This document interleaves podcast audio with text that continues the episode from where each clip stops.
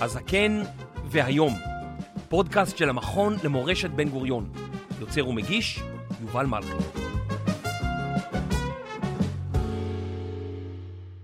חברת מופת כשהרצל כתב את ספריו, מדינת היהודים ואלטנוילנד, ארץ ישנה חדשה, הוא טען בלהט שהקמת מדינה לעם היהודי היא אפשרית וריאלית. הוא טען כי במדינה כזו אפשר יהיה ליישם טכנולוגיות מתקדמות ואף לבנות חברת מופת. חברה המבוססת על חזונם של נביאי ישראל, חברה בה ישרור צדק ושוויון, והיא תהיה דוגמה לכל אומות העולם. זהו רעיון המבוסס על המסורת היהודית, לפיה העם היהודי ישמש כמגדלור מוסרי, אור לגויים, והעם היהודי יעסוק גם בתיקון עולם. אז אם זה היה חזונו של הרצל, בטוח שכל ילד וילדה במדינת ישראל יודעים בדיוק מהי חברת מופת. יצאנו לרחוב לבדוק.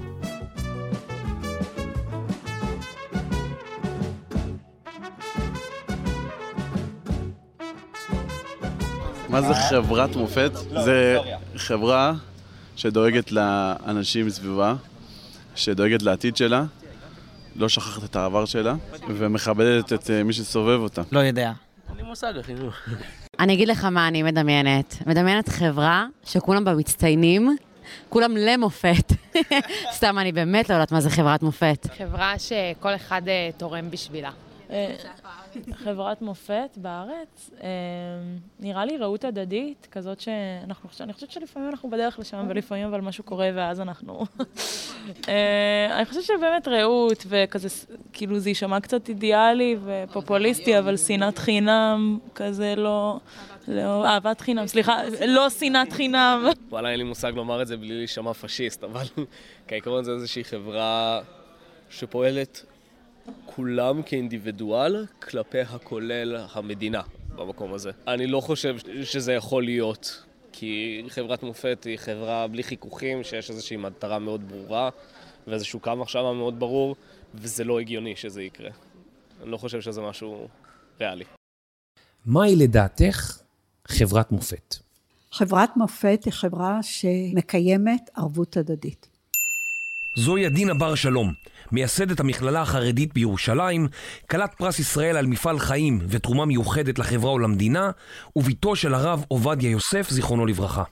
שאדם חי את החיים שלו, אבל הוא גם מסתכל על השכן שלו, מסתכל על החבר שלו, גם לא על החבר שלו, מסתכל על העני ברחוב, מסתכל על אדם שאין לו. אתה יודע, לא רק התורה אמרה את זה. בספר ישעיהו זה נכתב, הלא פרוס לרעב לחמך, ועניים מרודים תביא בית, כי תראה ערום וכיסיתו, ומבשרך לא תתעלם. זה פסוק משגע. מבשרך חושבים שזה רק אדם שקרוב לך. אבל הקדוש ברוך הוא ברא אותנו בשר ודם, ואסור לנו להתעלם ממה שסובב אותנו. ואתה יודע מה, אני אשתמש במשהו מודרני? ז'בוטינסקי אמר שצריך לקיים כאן בארץ את חמשת המ"מים. מזון, מלבוש, מעון, מעון מרפא. מרפא ומחנך. קודם כל, זה אידיאל שצריך להנחות אותנו. זהו פרופסור אבי בראלי, ראש מכון בן גוריון לחקר ישראל והציונות באוניברסיטת בן גוריון בנגב. האנשים האלה חושבים שלנגד עינינו צריכה להיות איזושהי דמות של חברת מופת, קוראים לזה בלועזית אוטופיה, כלומר איזו מחשבה שיהיה לך אופק אוט- אוטופי שאליו אתה חותר. והרצל עוסק בעם ש...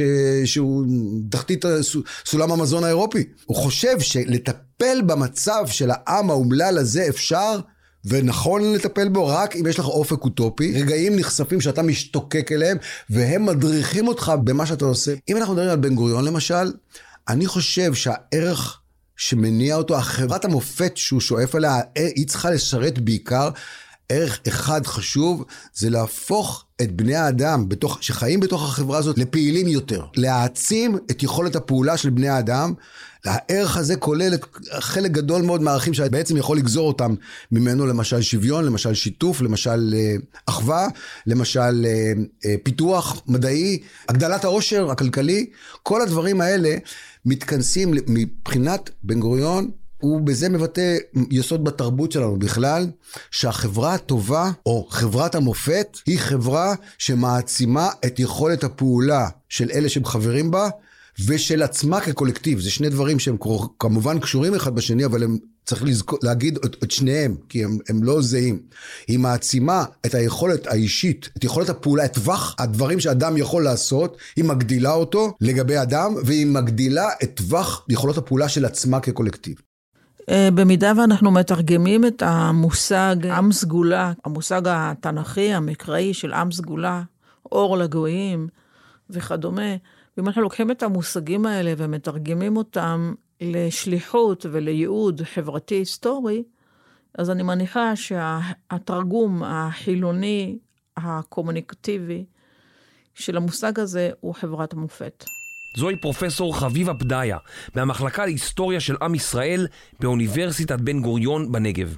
האנשים והוגי הדעות שתרגמו את המושג עם סגולה לחברת מופת, הם בעצם ביקשו לתת יעד וכיוון למשימה ההיסטורית של עם ישראל, כאשר הוא מקים לראשונה, אחרי שנות גלות, את המדינה, והיעד המדיני היה להקים חברת מופת. כלומר, אם מפרקים את זה לשניים, חברה מתוקנת, שיכולה באמות המידה המוסריות שלה להוות מופת לקיום קולקטיבי בעוד חברות, בעוד מקומות, בעוד מדינות בעולם. המושג מופת עצמו מופיע לראשונה במקרא אצל יחזקאל, משם בא בעצם הרעיון שאלוהים אומר ליחזקאל, שיאמר לבני ישראל, אני מופתכם.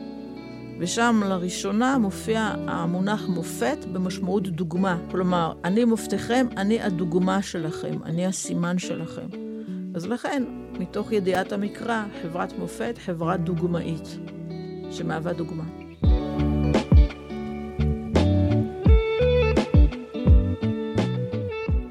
מה בן אדם פרטי, האינדיבידואל, יכול בעצם לעשות, כל אחד מאיתנו, בשביל לקדם חברת מופת?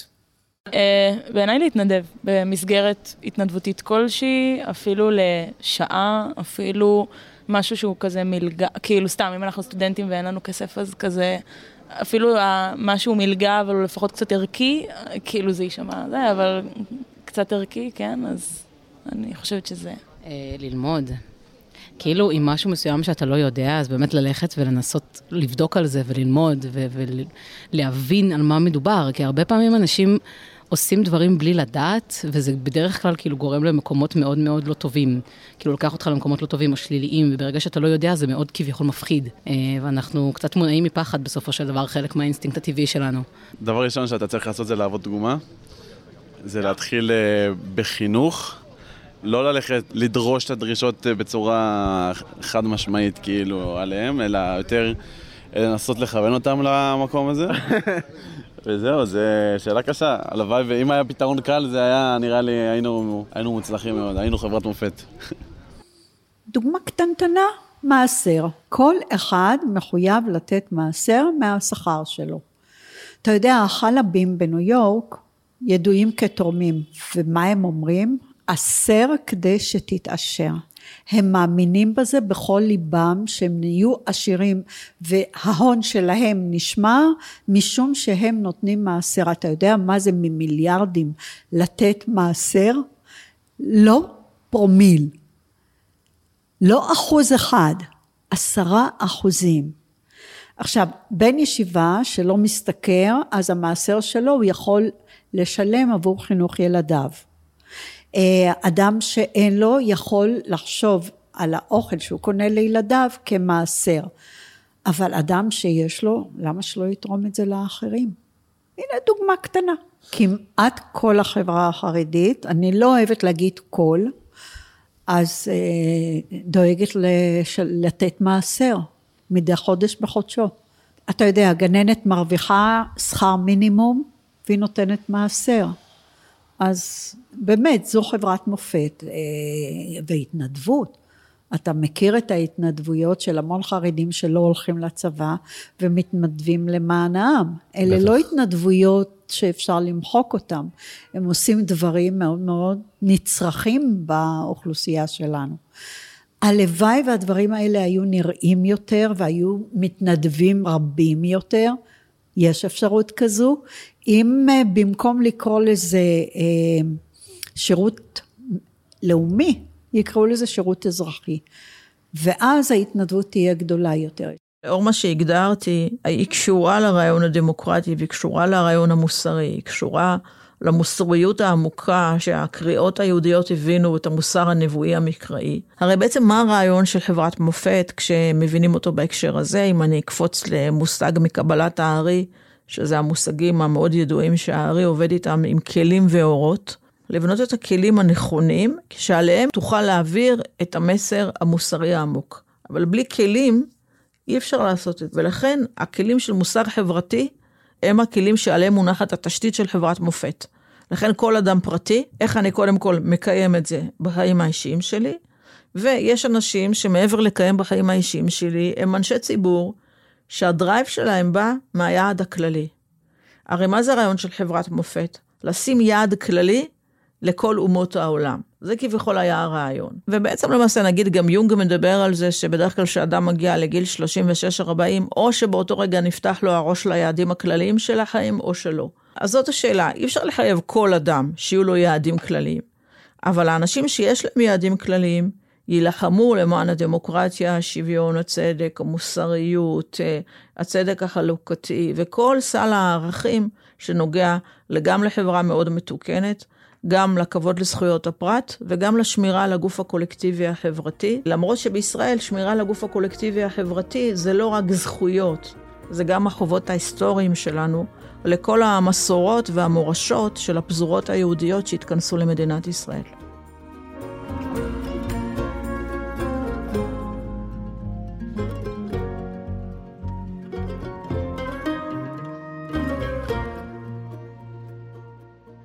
האם כל מדינה בעולם יכולה בעצם להיות מדינה שבה יש חברת מופת? כל תנועה לאומית בונה את עצמה על פי המודל המקראי של עם שעומד בתקנים אוטופיים, לכל אומה יש את הדבר, זה לא רק צר... יכולה או צריכה, זה גם בפועל קורה. אנחנו, יש לנו תחושה שאנחנו המקור, אבל אה, אוקיי, בסדר, יש לנו, אנחנו אחד, לפחות אחד המקורות. אתה רוצה שהמקום יהיה, המקום שאתה חי בו יהיה טוב, אתה צריך להתנהג בהתאם. אבל אם אני מדבר מבחינה מקצועית, אני למשל, אני מרצה, נכון? אז לפעמים אני מרצה לפרנסתי. כשבאים אליי, נניח, התנועה הרפורמית, התנועה הקיבוצית, הנוער העובד, מתנחלים בדרום הר חברון, אני בא לדבר איתם, אני לא מבקש מהם כסף, אני מדבר איתם בגובה העיניים, כאזרח, בתוך השותפות האזרחית שלנו, כשיש לנו ערכים משותפים, יש לנו ערכים... מה שאנחנו קוראים בשיחה הזאת, הערכים של חברת המופת המשותפת שאנחנו נושאים אליה את עיניה. לא, לא, לא אמרתי שאנחנו חיים בה, אבל אנחנו נושאים אליה את עיניה, והחיים שלנו בתוכה מושפעים מהעיניים הנשואות האלה. אז הרבה מהפעולות שלי, הרבה מהפעולות החברתיות שלי, הן מודרכות מהמקום הזה של אה, תקווה משותפת לצוות החברה שלנו למקום יותר טוב. האם מגילת העצמאות ומה שנכתב במגילת העצמאות מקדמות את חברת המופת של הרצל, או חברת המופת של בן גוריון, או חברת מופת כללית לאור נביאי ישראל? בחלקים מסוימים כן, אבל יש שם חלקים שהם כאילו, שהסטטוס קוו כבר השתנה וצריכים כבר כאילו לתקף אותו, אבל אני כן חושבת שיש שם איזה שהם ערכים של שוויון שרלוונטיים אלינו, שאנחנו קצת צריכים לחזור אליהם. מהתכנים שלה כן, אבל אני לא יודע כמה היא היום משמשת את החברה לדברים האלה. לא יודע, מזמן לא קראתי אותה. בגילת העצמאות של מדינת ישראל זה מדינה שטבוע עליה חותמו של בן גוריון. אפשר גם לראות את זה גם עניינית. איך שהיא מציגה את הדברים, איך היא הולכת מתיאור גנאולוגי והיסטורי מהמקורות של העם היהודי, דרך שלב המהפכני של הציונות, החלוציות, שואה וכולי, עד לאמצע. המשפט הכי חשוב במגילה, זוהי זכותו של העם היהודי לעמוד ברשות עצמו ככל עם ועם. וזה האמצע של המגילה. פה היא הופכת דף, אז היא הולכת לפרט מה אנחנו נעשה. לעמוד ברשות עצמו זה לב המגילה. כלומר, המגילה מגדירה את ההקשר, את המקור ואת התכלית לכך שהעם יהיה ריבוני ועומד ברשות עצמו, כלומר, מכלכל את צעדיו ההיסטוריים ככה שהוא יוכל להעצים את עצמו, את יחידיו, את האינדיבידואלים שלו ואת הקולקטיב שלו, את הקיבוץ היהודי הכללי, יוכל להעצים אותו בתוך ההיסטוריה הארצית של העולם, ככל עם ועם. כמובן שזה נוגע להרבה מאוד מחלוקות, אבל אני חושב שזה מסמך חונן. אני לא חושב שזה הצעות טובות להפוך אותו לחוק יסוד ולקור מחייב של פסיקה משפטית. זה צריך להיות אה, מקור השראה מכוחו בית המשפט, המערכת המשפטית שלנו והמערכת הפוליטית שלנו לא פחות, והמערכת החינוכית שלנו, תפנח לעצמה מה פירוש מדינה יהודית ודמוקרטית. כפי שרבים שמים לב, המילה דמוקרטיה לא נזכרת במגילה, היא לא, אבל אם נזכרים בה כמובן שוויון זכויות גמור, נזכר בה המשטר הדמוקרטי בלי להיות מוזכר בשמו, נזכר בה המעמד של מיעוטים, והיא כמובן הגיבור ההיסטורי שלה זה העם היהודי. ודאי אקט של הכרזה על מדינה יהודית ודמוקרטית. אז אני חושב שמגילת העצמאות היא מגדירה, אני לא חושב שהיא משרטטת אה, את הגבולות של חברת המופת שאנחנו שואפים אליה, אבל היא מגדירה את המסגרת שבתוכה אנחנו יכולים לפתח את חברות המופת היהודיות והדמוקרטיות שאנחנו יכולים לשאוף עליהן. ברור שכן, לפי תפיסתי, כן. כי היא מקדמת את החזון הזה של המדינה היהודית-דמוקרטית. ומקדמת את הקביעות של המדינה שפתוחה לכל אזרחיה. והיא מקדמת את הערכים האלה, כפי שהיא, לפני התיקונים של חוק הלאום וכולי וכולי, כפי שהיא, המדינה, המגילת העצמאות היא אה, מגילה אה, שלפי דעתי הכתיבה שלה נעשתה מתוך התחשבות בערכי היסוד האלה שעליהם אנחנו מדברים כאן.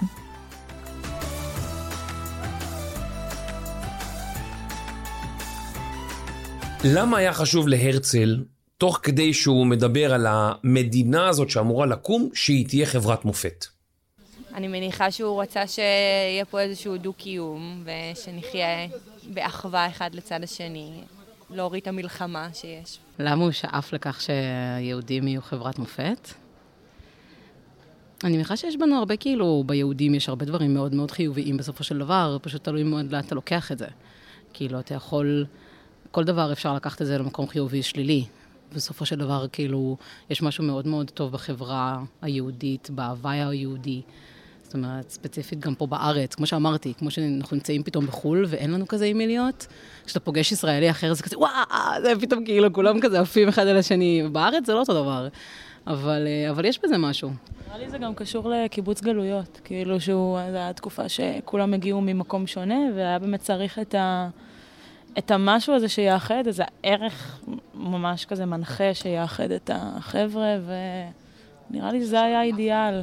זה משהו אינסופי, אה, מופת, אה, זה לא משהו שיש לו הגדרה, זה הגדרה מוחלטת, זה אינסופי, כל הזמן אה, צריך לשאוף עוד ועוד. המודל הזה של חברת מופת הוא מודל מכונן של הנאורות האירופית. זה אחד, זה מקור אחד.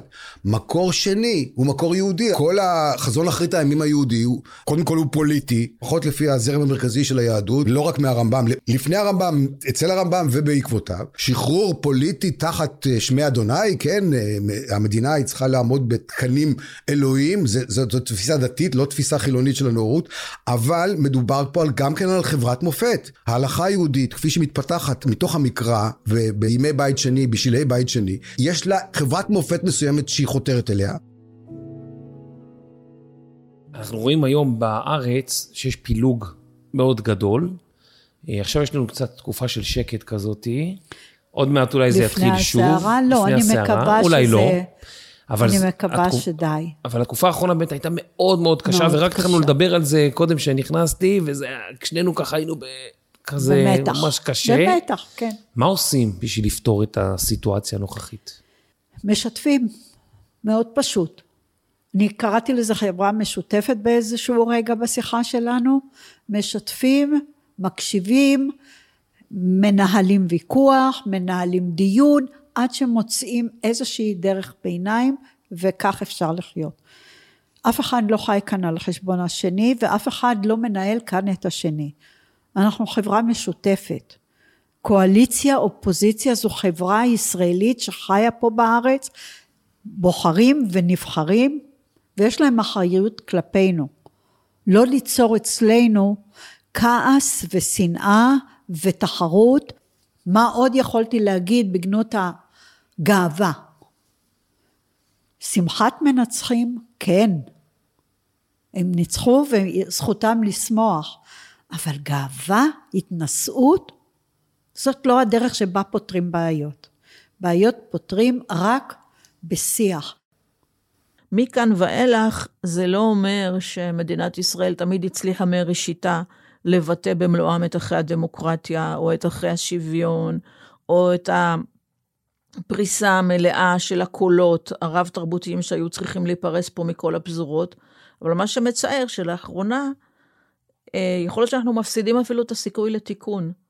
כי אה, יש התפרצות רגשית כל כך קשה סביב המאבקים שכרגע מתנהלים בארץ, שהיא מגבשת את הכל לשני גושים ממש גדולים, של כאילו בעצם גם מאוד מגבש את השבר סביב כאילו שאלה שכביכול דתיות וימניות, וכביכול אנטי-ליברליות וליברליזם דמוקרטי, תוך כדי שנאה, סלידה, פחד, דיכאון, מערכת רגשות. חברה לא יכולה להכיל בתוכה מערכת כזאת תנועה ברמה רגשית, ובאמת להתנהל בצורה מתוקנת. זה בלתי אפשרי.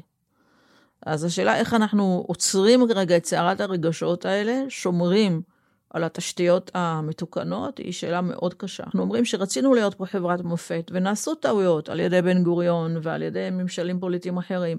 האם אנחנו יכולים להגיד שזה בסדר?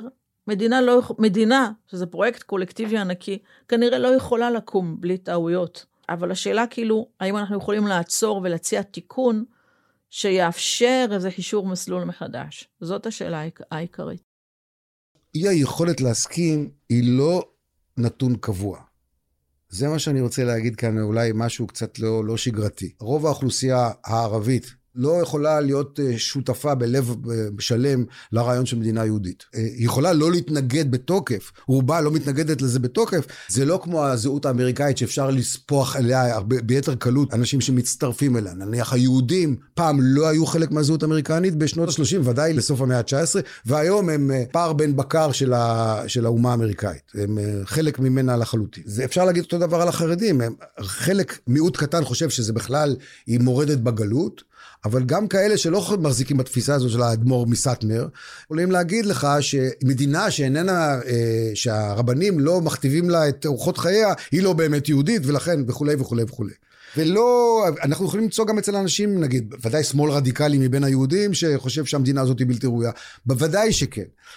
לגבי הערבים והחרדים, צריך להבין שההתנגדות הזאת היא התנגדות בנקודת הזמן. הנוכחית. אין דין ההתנגדות של החרדים היום כדינה ב-1949 או 50. הם עברו תהליך שאפשר לקרוא לו ישראליזציה. ואם הם עברו תהליך מסוים, שהוא לא טוטאלי, של ישראליזציה, זה אומר שהם יכולים להמשיך לעבור אותו, בלי לוותר על זהותם. זה עניין לא של או שמזדהים עם, עם חברת המופת היהודית, או לא מזדהים איתה, זה עניין זה שיושב על סרגל של שנתות כמה מזדהים איתה. והתהליך הזה הוא תהליך אקומולטיבי. אנחנו יכולים, אם ההיסטוריה שלנו תלך לכיוונים חיוביים יותר, של הכרעה בעימות, בלי חיסול של הצדדים, ותוך כדי כך שעובדה שקיומה של מדינה יהודית ודמוקרטית איננה מעורערת יותר באופן רציני, אין לי שום ספק שאפשר יהיה לקדם תהליך של אזרוח ממשי יותר של האזרחים הערבים במדינת ישראל, לפי המתכונת שהרצל רואה לנגד עיניו באלטנוילנד. וחרדים? התחלת ערבים חרדים, גמרת עם ערבים. החרדים, המקרה הוא פחות, אה, אני הלכתי על המקרה היותר קשה, החרדים המקרה יותר מתקבל על הדעת, כי אנחנו רואים גם, החרדים עברו כברת דרך, זה מה שאמרתי קודם, הם עברו כברת דרך ארוכה בהתקרבות שלהם לזהות של מדינת ישראל. ככל שיעבור הזמן, יגשימו התהליכים להיתפס לסכסכנות פנימית, וננשום עמוק ונחכה שהדברים יגבשו, כך יש יותר סיכוי. שהם אה, יעברו תהליך שקראתי לו אזרוח ממשי. במקרה שלהם העתיד הזה נראה יותר בעין מאשר במקרה של הערבים. האם יש ערכים בחברת המופת ובחזון המדינה שחלק מהאוכלוסייה לא יכולים להסכים עליהם? וואי, קשה. אני חושבת שאהבת חינם, גם. אני לא חושבת שכל אחד יכול לאהוב מישהו הרבה אנשים אה, קשה להם עם העדפות מיניות של אנשים אחרים, הרבה אנשים קשה להם עם אה, דרך דתית של אנשים אחרים, ואני חושבת שאנחנו עדיין לא במקום שלגמרי מקבל את זה במאה אחוז לצערי. יש אי הסכמה על החינוך, איזה חינוך הוא נכון, אז אם יש אי הסכמה על מה זה בכלל חינוך נכון, לא, אנשים לא יכולים לדחוף לטובת המטרה הזאת. פה, פה למעשה צריך להיות עיקר הדיסקורס ועיקר השיחה, כאילו, מה אנחנו מגדירים עכשיו, כי ההגדרות הראשונות של המופתיות הן היו מאוד יפות. אבל עכשיו אנחנו בעצם מגיעים, ובעצם למעשה גם כל העולם הגיע, להבנה שאנחנו צריכים למצוא תמהיל חדש בין אוניברסליות לפלורליזם תרבותי. ואנחנו צריכים גם למצוא את השפה, איך שבעצם מצד אחד אנחנו נותנים את מרבית הקולות לכולם, לכל הפזורות ולכל התפיסות, אה, ומצד שני, לא ייתכן שמיעוט אחד, גם אם הוא יהפוך להיות הרוב הדמוגרפי, יוכל להכתיב משהו שיחתור תחת הכלים שנחוצים לקיום של הכלל. והניסוח הזה הוא כרגע ניסוח עקרוני בכל העולם כולו. ישראל עומדת כרגע לפתחו של משבר ענק בנושא הזה. בגלל, ש, בגלל שיש כאן איזושהי אי-הבנה ששאלה של מינוריות ושאלה של רוב דמוגרפי זה לא אותו דבר.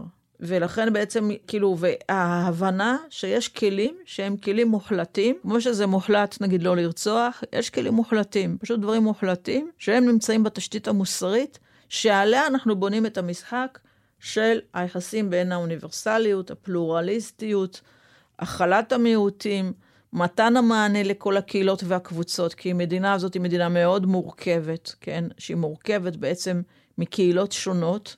בעלות תפיסות שונות של יחסי זמן, מקום וזהות. אנחנו באמת באמת צריכים להבין איך אנחנו עושים את המשחק הזה נכון. ופה באמת יש איזשהו צמצום שנדרש. לא ייתכן שכל אה, ציבור כל הזמן רק ידבר את המנגינה שלו. כאילו בעצם, אוקיי, עכשיו אני רוצה לצבוע את כל המדינה בצבע שלי. לחזור לעיקרון היסודי, שיש כאן עם שהגיע מפזורות שונות. המחויבות לחזון היהודי שכוללת את המחויבות לחזון המוסרי, חד משמעית. אין יהדות בלי מוסר.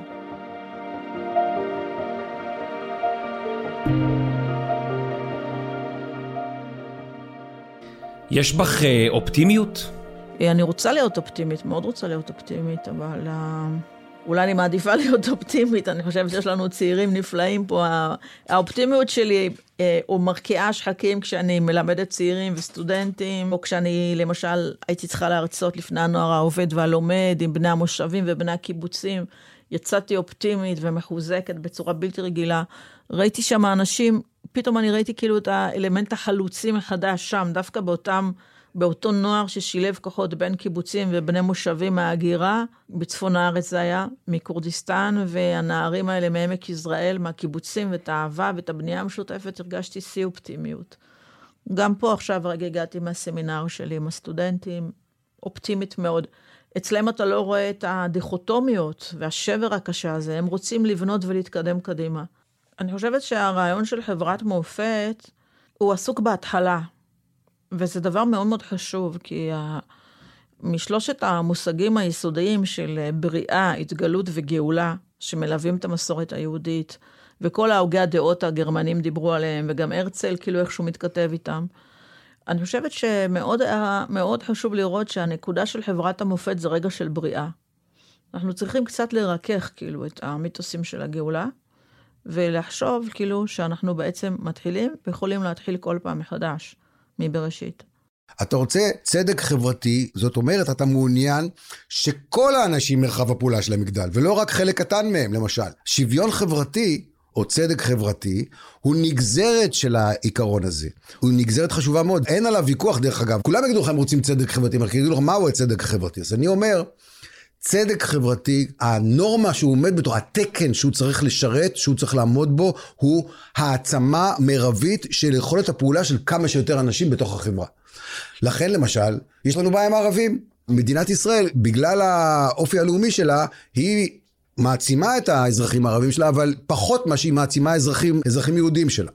כי uh, דרכים מסוימות להיות מועצמים במסגרת החברה הפוליטית שלנו, חסומות בפני הערבים שלא מזדהים איתה. אז זאת בעיה... אתה מדבר מה, על שירות צבאי, על עבודה בחברות צבא... שיש בהם איזשהו ש... משהו ביטחוני? שירות צבאי, אפילו פיתוח הארץ. האזרח ערבי, מאחר שהוא פחות תופס את החברה הפוליטית הזאת, או את החברה הזאת בכלל כחברה שלו, אז היכולת שלו לפעול בה ולהיות מועצם בתוכה, פוחתת. יש לנו בעיה עם המיעוט הערבי מנקודת הראות הזאת, של מה שאנחנו קוראים לו פה בשיחה הזאת חברת מופת. כשהרצל כותב את הספר שלו על חברת המופת, שזה אלטנוילנד, זה ספר אוטופיה. הרי מה זה חברת מופת? בלעז זה אוטופיה. הוא כותב איזה מין חברה תהיה פעם. יש שם בספר הזה גיבור ערבי, שהוא מוצג כמי שהמפעל הציוני העצים אותו על כל צדדי חייו, ולכן הוא פטריוט כל כך נאמן של, של המדינה האוטופית שהרצל מתאר באלט נוילנד. אתה יודע מה התרגום של, לעברית של אלט נוילנד? תל אביב. תל זה האלט ואביב זה הנוי. ארץ חדשה ישנה. אז הארץ החדשה הישנה הזאת שהוא מתאר, היא אוטופיה, היא איזשהו משהו שהוא רוצה שיהיה.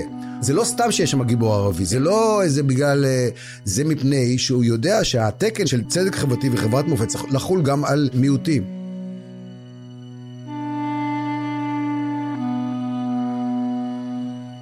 אתה יודע, במלחמות השבת, הזכרתי קודם את הידידות שלי עם צבי צמרת. כביש בר אילן היה מקום נורא ואיום שנלחמו בו מלחמת איש באיש בצורה מכוערת ביותר. ואז מינו ועדה שעמד בראשה צבי צמרת, לכן הוועדה נקראה ועדת צמרת, שתנסה לפתור את הבעיה. צבי צמרת ישב על המדוכה עם כל חבריו והצליחו להגיע לאיזשהו הסדר שבשעות של התפילה מכוניות לא ייסעו בכביש. הוא בא לספר לאבי שזו הפשרה שהצליחו להגיע אליה, ואבי ברך אותו, יפה עשיתם. אז אמר הרב, איך הרב אומר לי שזה יפה, מכוניות ייסעו בשבת, זה חילול שבת. הוא ענה לו, אין חילול שבת גדול יותר מזריקת אבנים בשבת ומההפגנות בשבת. שני הצדדים לא יצאו מנצחים. לא הצד שרצה בכוח לנסוע בשבת, ולא הצד שרצה בכוח להשבית את התנועה בשבת. עד שיסללו כביש עוקף, אבל זה לוקח זמן, כולם ידעו שזה ייקח זמן. פתרו את הבעיה הזו בדרכי שלום. אנחנו חייבים למצוא את הדרך. שוויון לא יכול להיות במאה אחוז, אבל צריך כן להתייחס לאדם שעומד מולך בשוויון מלא, גם אם הוא עני ואתה עשיר.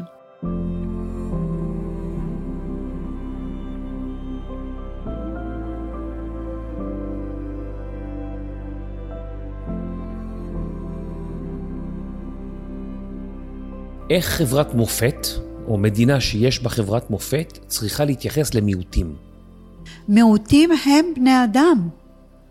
הם בני אדם כמונו, נבראו בצלם אלוקים, ואנחנו מחויבים לכבד אותם. אין לנו שום אפשרות אחרת. הם חלק מהאנשים שגרים פה איתנו. אתה יודע, אני יכולה לספר לך סיפור קטן. כשאריה דרעי נבחר למנכ"ל משרד הפנים, בא וסיפר לאבי שאנחנו מפלים את המועצות המקומיות הערביות לעומת המועצות המקומיות הישראליות. ואבי היה בהלם, הוא לא האמין לו. הוא אמר, איך זה יכול להיות? הוא אמר, אני יושב במשרד ואני רואה את התקציבים שעוברים, אותו מספר אנשים במועצה פלונית ואלמונית, וכאן הם מקבלים 25 אחוז ממה שאני נותן למועצה יהודית. אתה חייב להשוות את זה. הוא לא אמר תן להם יותר. הוא לא אמר להם תעזור להם. הרי הוא יכל להגיד אז תעזור להם. הוא אמר אתה חייב להשוות את התקציב.